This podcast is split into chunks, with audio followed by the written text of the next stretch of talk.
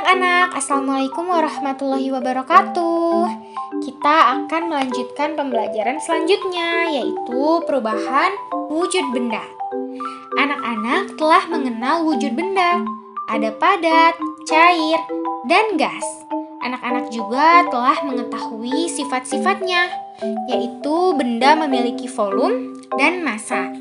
Sekarang, apa yang terjadi jika benda tersebut dipanaskan, didinginkan, dan diletakkan di udara terbuka.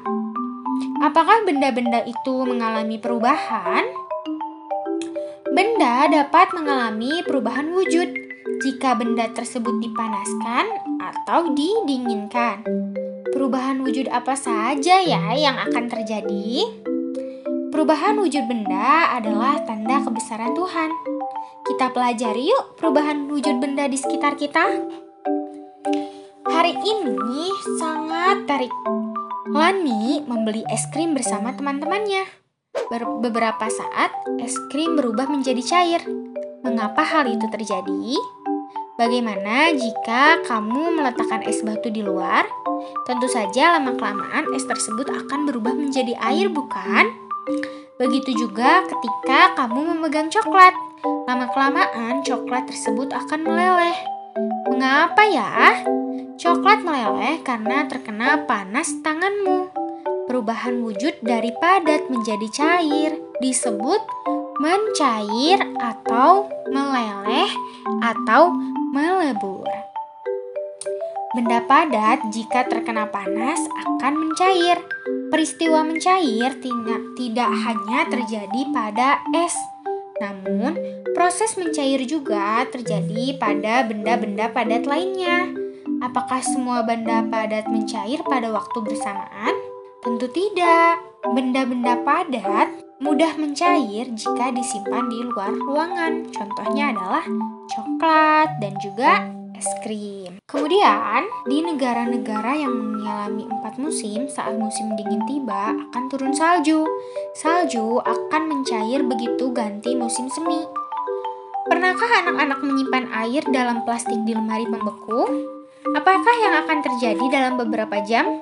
Tentunya air akan berubah menjadi es, bukan? Meskipun anak-anak membuka ikatan plastik itu, ternyata es tidak akan tumpah. Mengapa demikian? Wujud air berubah dari cair menjadi padat. Perubahan wujud dari cair menjadi padat disebut membeku. Lalu ada pula menguap. Menguap merupakan peristiwa perubahan wujud wujud dari cair menjadi gas, peristiwa ini disebabkan oleh pemanasan.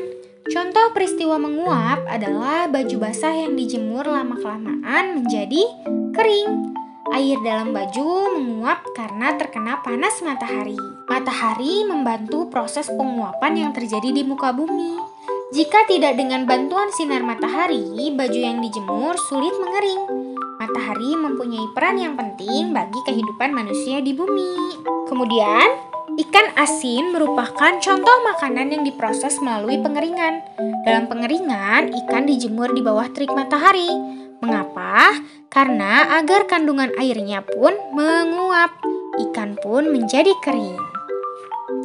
Coba sekarang anak-anak sebutkan makanan tradisional di daerah anak-anak yang dibuat dengan pengeringan. Apa saja ya?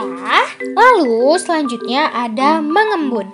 Mengembun adalah proses perubahan wujud dari gas menjadi cair.